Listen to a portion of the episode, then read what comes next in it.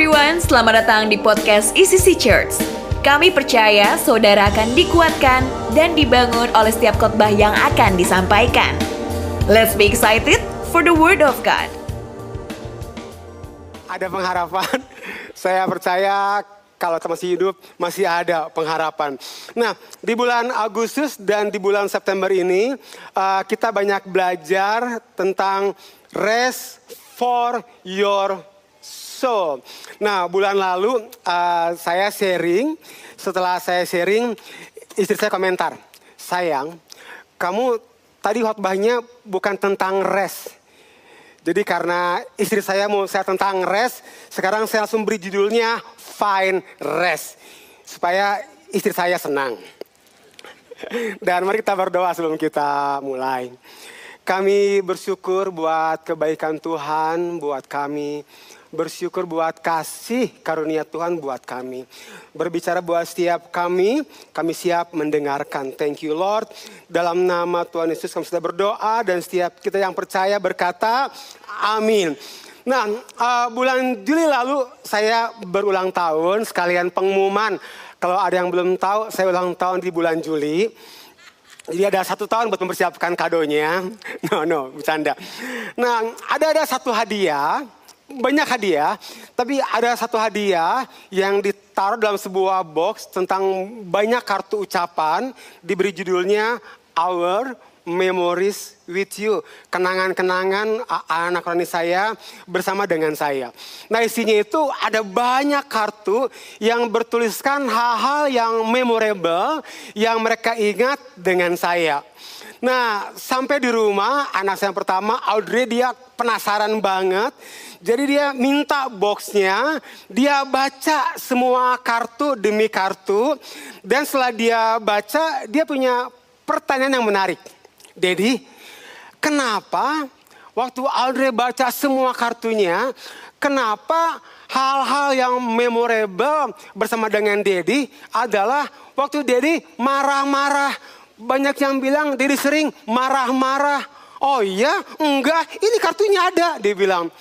Terus yang kedua, katanya kalau anak-anak rohani Dedi, lihat muka Dedi, ingatnya kerja, kerja, tugas, tugas, kerja, kerja. Dad, kenapa seperti itu? Kata Audrey. Saya mencoba uh, menjawabnya dengan bahasa yang bisa dia, dia mengerti, tapi keburu istri saya menjawab dengan kecermatannya. Dia bilang, waktu itu dedinya stres karena nggak pernah rest singkat, padat, jelas, dan mukul. Tapi the body makes the soul visible. Apa yang saya katakan, sikap saya adalah sesuatu yang gak dapat dilihat dari jiwa saya. Nah tubuh kita ini reveals, menyatakan apa yang kita gak dapat lihat dari soulnya kita. Karena hari itu uh, kami udah menikah di Arca Manik. Uh, saya masih ingat kegiatan kami setiap hari dari Arca Manik Pagi-pagi antar istri saya kerja di sebuah bank hari itu. Satu saya ke kantor dan sore saya jemput lagi istri saya di tempat kerjanya. Saya bawa dia ke Cimbeluit karena dia masih pelayanan mahasiswa hari itu. Kemudian kadang saya ke Kopo, saya kadang ke Cijera, Cijagra, banyak hal. Kemudian jemput istri saya lagi di Cimbeluit dan pulang ke rumah sampai rumah jam 10, jam 11 malam. Itu yang kami kerjakan hampir setiap hari. Dan hari itu kita ibadah di Creative Hall di Ahmad Yani. Kita itu ke gereja, hari itu satu minggu ada empat ibadah. Jadi kita ke gereja dari terbitnya matahari sampai terbenamnya matahari. Seperti lagu zaman dulu, dari terbit matahari sampai terbenamnya matahari. Jadi saya tuh gak lihat matahari seharian, sore baru keluar. Dan Senin hari itu enggak libur, kita kerja. Jadi staff full timer hari itu nggak mengenal ada istilah libur. Yang ada kerja, kerja, dan kerja. Akibatnya saya gampang stres hari itu. Gampang marah-marah hari itu. Nah uh, saya mulai terlibat dalam pelayanan di tahun 90-an. Dan hari-hari itu ada sebuah frase seperti ini. Kita tidak boleh istirahat sedetik pun. Sehari pun. Karena iblis bekerja 24 jam non-stop buat menyesatkan generasi. Jadi kalau saya libur, saya merasa bersalah. Karena iblis dia nggak libur. Dia bekerja terus menyesatkan generasi. But hari ini saya sadar. Kalau saya terus bekerja, terus bekerja, maka saya akan semakin dan serupa dan segambar dengan setan. Karena setan gak pernah istirahat. Jangan lihat kiri kanannya, jangan, jangan, jangan. Dia bukan setan. Why? Karena Allah Bapa, Tuhan kita Yesus Kristus, dia juga istirahat. Setelah dia bekerja sedemikian lama, dia istirahat. Kejadian 2, ayat yang kedua sampai yang ketiga. Pada hari yang ketujuh, Allah telah menyelesaikan pekerjaannya, lalu ia beristirahat maka diberkatinya hari yang ketujuh itu dan dijadikannya hari yang khusus karena pada hari itu Allah beristirahat setelah menyelesaikan pekerjaannya. Kerinduan saya, saya bukan mau serupa dan segambar dengan setan. No, saya mau, kita mau serupa dan segambar dengan Kristus. Katakan amin. That's why engkau perlu istirahat supaya serupa dan segambar dengan Kristus. Uh, tahun lalu ketika COVID mereda, uh, orang Sunda bilang gasken, apalagi ya semangatken. Jadi saya sering banget pelayanan keluar kota, hampir nggak ada uh, istirahatnya. Dan ada satu fase saya hampir berapa hari di Manado, pulang ke Bandung hanya buat dua hari, langsung kembali ke apa ke ke Palu buat beberapa hari di sana, langsung saya ke Next Gen Conference di Gilgal buat beberapa hari lamanya di sana. Dalam perjalanan saya udah demam tinggi, jadi pas masuk conference uh, sesi pertama saya nggak boleh bicara. Mereka pikir saya COVID katanya. Jadi saya harus tes dulu COVID, tes swab dulu. Jadi saya nunggu di hotel seharian, saya makan banyak paracetamol biar meredakan uh, panasnya saya. Akhirnya puji Tuhan negatif, sesi kedua saya baru boleh share. Dan tetap masih dalam keadaan panas, demam tinggi. Saya nggak mau pulang ke Bandung. Saya terus kembali ke Bekasi. Saya beberapa hari di Bekasi uh, sharing di sana. Akhirnya saya pulang ke Bandung. Nyampe di rumah, muntah-muntah, diare nggak berhenti. Jadi saya end up di Melinda. Di Melinda lima hari. Kerjaan saya hanya literally asli lima hari tidur. Jadi saya bangun, kalau dibangunin sama suster, Pak makan pagi, saya makan, tidur lagi. Siang-siang, Pak bangun, makan, baru saya makan, cet bener-bener tidur lagi. Pas malam, Pak bangun, makan, baru saya makan lagi. Lima hari bener-bener asli hanya tidur di tempat tidur. That's why, mengapa kita perlu rest? Karena if you don't take time off, your body will make time off. Karena kalau kita nggak istirahat, badan kita yang akan memberhentikan kita buat off. So, jangan biasakan sakit baru istirahat. Mengapa? Saya nggak tahu, tapi buat saya, mungkin buat some of you uh, sangat gak suka, sangat gak nyaman dengan kata rest. Saya ingat pesan terakhir mama saya, mama saya meninggal di hari Minggu di bulan Mei. Hari Kamis itu pertemuan saya terakhir dengan mama saya. Saya ke rumah sakit di Sentosa, and then saya datang, kita ngobrol, terus memang ngomong begini, Victor, kerja jangan terlalu keras. Iya mam, iya mam, tenang aja mam. Kita ngobrol, terus saya keluar ke depan pintu, dia panggil lagi saya, Victor. Saya masuk lagi, kenapa mam? Kamu kerja, jangan terlalu keras. Iya mam, iya mam, tenang, tenang mam. Tenang, saya akan lebih lebih slow, saya bilang. Mam saya pulang ya. Pas saya pulang, tiga kali dia panggil saya lagi. Victor, apa mam? Kan tadi udah bilang, saya bilang. Victor, kamu kerja, jangan terlalu keras Why? Karena dia tahu kata rest itu kayak nabrak di kepala saya. Kata rest itu sangat challenging, sangat menantang untuk kita mengerjakannya. Karena kita berpikir kita perlu kerja, kerja, kerja supaya kita dapat achieve target kita. Kita perlu kerja, kerja, kerja, kerja supaya target tercapai. Kita perlu kerja, kerja, kerja supaya kita punya lebih banyak punya uang. kita berpikir kalau kita tidak mengerjakan apa-apa, kita tidak akan mendapatkan apa-apa. That's why kata rest nggak masuk di kepala kita. Karena kita berpikir kalau kita tidak mengerjakan apa-apa, kita tidak akan mendapatkan apa-apa. No, you need to take time to rest. Karena kita percaya ada namanya God's blessing. So, what is rest? Ada banyak istilah soal rest, tapi saya suka dengan apa yang Pastor Konghi sampaikan. Dia seperti ini. Rest is confident, peace, great belief that everything is already promised, prepared, and provided for us. Istirahat adalah keyakinan, uh, kedamaian, kepercayaan yang besar bahwa segala sesuatu sudah dijanjikan, disiapkan, bahkan disediakan buat saya dan saudara. Boleh bilang amin? Amin. Dan kita akan belajar dari Abraham. Bagaimana Abraham menemukan rest in God. Nah kita akan baca Roma 4 ayat yang ke-17 sampai yang ke-25. Nah judul perikopnya adalah Abraham dibenarkan karena iman.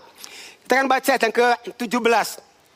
Seperti ada tertulis, engkau telah kutetapkan menjadi bapa banyak bangsa di hadapan Allah yang kepadanya ia percaya. Yaitu Allah yang menghidupkan orang mati dan yang menjadikan dengan firmannya apa yang tidak ada menjadi ada. Ayat 18. Sebab sekalipun tidak ada dasar untuk berharap namun Abraham berharap juga dan percaya bahwa ia akan menjadi bapak banyak bangsa. Menurut yang telah difirmankannya, demikianlah banyaknya nanti keturunanmu. Yang pertama, find rest in God's promise. Abraham berusia 75 tahun waktu Tuhan membawanya berangkat dari Haran menuju Kanaan. Dan Tuhan berjanji pada Abraham, Abraham, Through you, lewat kamu, kamu akan menjadi bapak banyak bangsa. Through you, kamu akan membuat bangsa yang besar. Dan hari itu hampir setelah kurang lebih sekitar 10 tahun. 10 tahun artinya Abraham lagi di, di tendanya. Udah 10 tahun dari sejak Allah janjikan. Abraham lihat Sarah belum hamil juga. Dan hari itu di, di, di tenda uh, Abraham mulai piti party. Abraham mulai mengasihani dirinya. Katanya Tuhan berjanji, saya akan menjadi bapak banyak bangsa. Tapi 10 tahun berlalu, saya belum punya anak. Saya sudah tua, Sarah sudah mati haid. Dia mulai piti party. Dia ngomong gini, hmm, Tuhan kayaknya warisan saya akan jatuh ke hamba saya Eliezer orang Damsik. Dan saya suka, waktu Abraham piti party, mulai meragukan Tuhan, saya suka apa yang Tuhan bilang di kejadian 15 ayat yang kelima. Kemudian Tuhan membawa Abraham keluar dari kemahnya dan berkata, lihatlah ke langit. Dapatkah kamu menghitung jumlah bintang? Tentu tidak. Demikianlah keturunanmu akan terlalu banyak dihitung seperti bintang di langit. Bahkan di kejadian 22 ayat 17 dikatakan sangat banyak seperti bintang di langit dan seperti pasir di tepi laut. Ada dua kata kunci dari ayat ini. Yang pertama, keluar. Dan yang kedua, lihatlah. Jadi hari itu di tengah keraguannya Abram di dalam tendanya, Allah bilang, Abram keluar. Jadi hari itu Abram keluar. Abraham keluar dan di malam hari dia mulai melihat bintang. Ah, oke okay, oke okay, oke. Okay. Dia mulai uh, thinking, dia mulai visualizing, dia mulai speaking, dia mulai believing. Ah, oke okay, oke okay, oke. Okay. Satu hari nanti keturunanku akan banyak seperti bintang di langit. Dia mulai rest in God's promise. Dan di siang hari dia mulai melihat pasir di tepi laut. Dia mulai menghitung, ah ada begitu banyak pasir. Dia mulai berpikir, dia mulai melihat, dia mulai memperkatakan, dia mulai percaya di dalam hatinya. Oke, okay, one day, one day keturunan saya akan seperti pasir di laut. Abraham, ah, di tengah-tengah keraguan, dia mulai rest in God's promise. Apa apa artinya kemah? Kemah artinya sesuatu yang membatasi, uh, menghambat, menguasai, menekan, mengikat sehingga saya dan saudara gagal menggenapi janji Tuhan.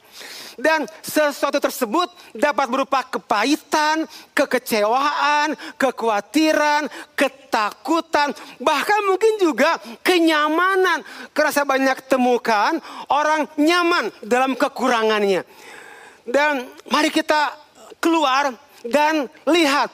Mengapa penting buat keluar dari tendamu dan lihat. Karena penglihatanmu menentukan pengharapanmu. Dan pengharapan dalam bahasa Yunaninya menggunakan kata elpis yang memiliki tiga pengertian expectation. Artinya sesuatu yang kita rindukan terjadi. Belum terjadi tapi kita percaya akan terjadi. Arti kedua confident. Yakin penuh bahwa sesuatu akan terjadi. Yang ketiga anticipation. Artinya setelah melihat situasi yang ada kita tahu apa yang perlu kita kerjakan. This is the power of hope. Dan penglihatanmu menentukan pengharapanmu. Kita lanjutkan ayat 19. Imannya tidak menjadi lemah. Walaupun ia mengetahui bahwa tubuhnya sudah sangat lemah. Karena usianya telah kira-kira 100 tahun. Dan bahwa rahim Sarah telah tertutup. Tetapi terhadap janji Allah. Ia tidak bimbang karena ketidakpercayaannya, malah ia diperkuat dalam imannya dan ia memuliakan Allah. Dengan penuh keyakinan bahwa Allah berkuasa melaksanakan apa yang telah ia janjikan. Karena itu hal ini diperhitungkannya sebagai kebenaran. Yang kedua, find rest in God's preparation. Iman adalah dasar dari apa yang kita harapkan. Dikatakan imannya tidak menjadi lemah. Walaupun ia mengetahui bahwa tubuhnya sudah sangat lemah. Nah, kata mengetahui dalam terjemahan lain, dia memakai kata mempertimbangkan. Di Roma 4 ayat 19 terjemahan yang lain dikatakan dengan tidak menjadi lemah dalam iman ketika ia mempertimbangkan. Apa artinya mempertimbangkan? Artinya Abraham tidak memfokuskan pikirannya kepada keadaannya. Tapi Abraham memfokuskan pikirannya kepada janji Tuhan. Karena apa yang kita pikirkan sangat mempengaruhi emosional kita. Dan waktu kita memfokuskan pikiran kita pada keadaan, kita akan mudah putus asa Putus asa adalah dosa.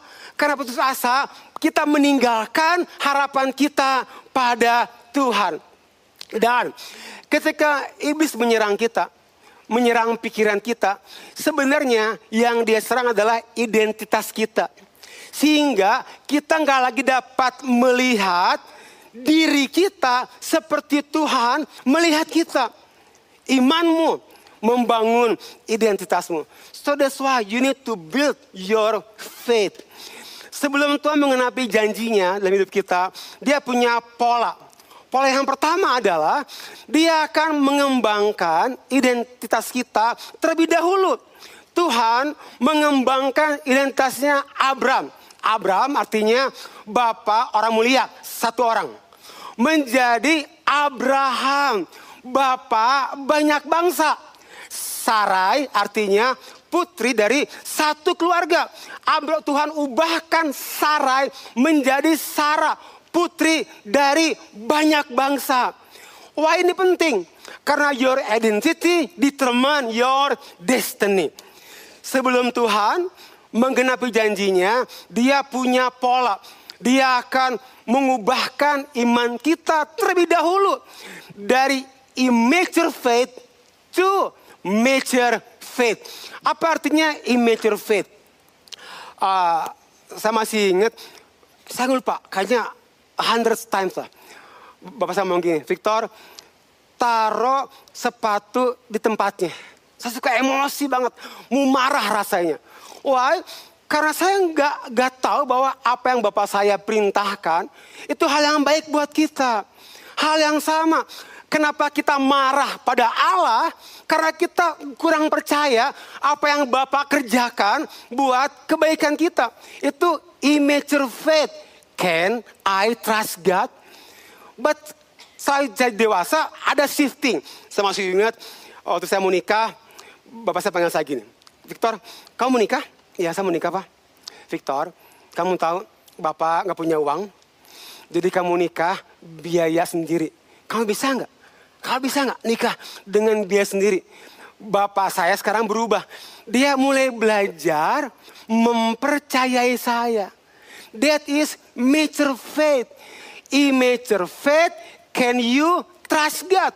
Mature faith, can God trust you? That is mature faith. Kita baca kejadian 20 ayat yang kedua dan ketiga. Maka mengandunglah Sarah, lalu ia melahirkan seorang anak laki-laki bagi Abraham dalam masa tuanya pada waktu yang telah ditetapkan sesuai dengan firman Allah padanya. Abraham menamai anaknya yang baru lahir itu Ishak yang dilahirkan Sarah baginya. Yang ketiga, find rest in God's provision. Bagaimana Abraham punya iman yang semakin besar ketika segala sesuatu nampaknya gak ada harapan. Ketika segala sesuatu hopeless. Karena Abraham percaya akan janji Tuhan bahwa Allah berkuasa melaksanakan apa yang ia telah janjikan. Can you imagine? Abraham berusia 100 tahun ketika Sarah melahirkan Ishak baginya. Why? Karena Abraham fokus on promise, not on problem. Kalau engkau ingin menikmati janji Tuhan, Focus on God's promise, not on your problem. Dan I do believe, kalau Allah berjanji, di bilangan 23 16, bila Allah berjanji, pasti ia tepati. Bila ia berbicara, tentu akan terlaksana. Katakan amin. Mari berikan tepuk tangan buat Tuhan kita yang berjanji akan ditepati, akan dilaksanakan. So today we learn something. ICC Find rest in God's promise. Find rest in God's preparation. Find rest in God's provision. Saya akan closing dengan yang terakhir. Roma 4 ayat yang ke-23. Kata-kata ini, yaitu hal ini, diperhitungkan kepadanya, tidak ditulis untuk Abraham saja, puji Tuhan. Amin. Waktu saya baca ini, ah puji Tuhan. Ini enggaknya buat Abraham, buat saya dan saudara, puji Tuhan. Tetapi ditulis juga untuk kita. Wow, kok kayak kurang happy. Amin. Amin. Ditulis juga untuk kita. Sebab kepada kita pun Allah memperhitungkannya.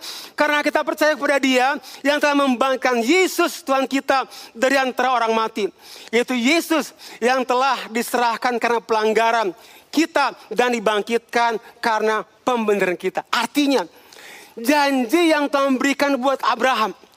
Janji itu Tuhan berikan juga buat saya dan saudara. So, isi setelah kita bekerja keras. Sekali lagi, setelah kita bekerja keras, you need to take a rest. Karena rest is the greatest expression of faith. Rest is the greatest expression of faith. So, hari ini, kalau hari ini engkau ada di dalam kemahmu, dan engkau lagi meragukan Tuhan, karena engkau melihat pernikahanmu hancur. Dan engkau mulai berpikir, aduh kayaknya saya salah nikah orang nih. Kenapa dulu nikah sama dia ya? Saya berpikir, Aduh, pasangan saya keras banget. Lebih keras dari batu. Aduh, kayaknya udah gak bisa diubahkan lagi. Hei, keluar dari kemah dan lihat janji Tuhan. Yeremia 23 ayat yang ke-29 berkata, perkataanku seperti api dan seperti palu yang menghancurkan bukit batu. Engkau mulai thinking, visualizing, believing, speaking. Then I do believe. Engkau akan menikmati janji Tuhan. Janji Tuhan akan terjadi. Engkau lihat, mau batu sekeras apa pun. Firman Tuhan bahkan lebih dari sanggup. Dia sanggup menghancurkan. Ketika lagi tidur, lihat pasanganmu. Dari jauh, aku berdoa. Dari jauh, jangan terdekat. Dari jauh. Sikapmu batu kayak apa pun. Aku tahu firman Tuhan sanggup menghancurkannya jauh. Kalau gemes dikit, tangannya tempelin dikit. Pukul-pukul. Pada bangun, kenapa nampar? Bukan, nyamuk bilang. Why? If you keep thinking, visualizing, believing, speaking, the promise of God, it will happen to you.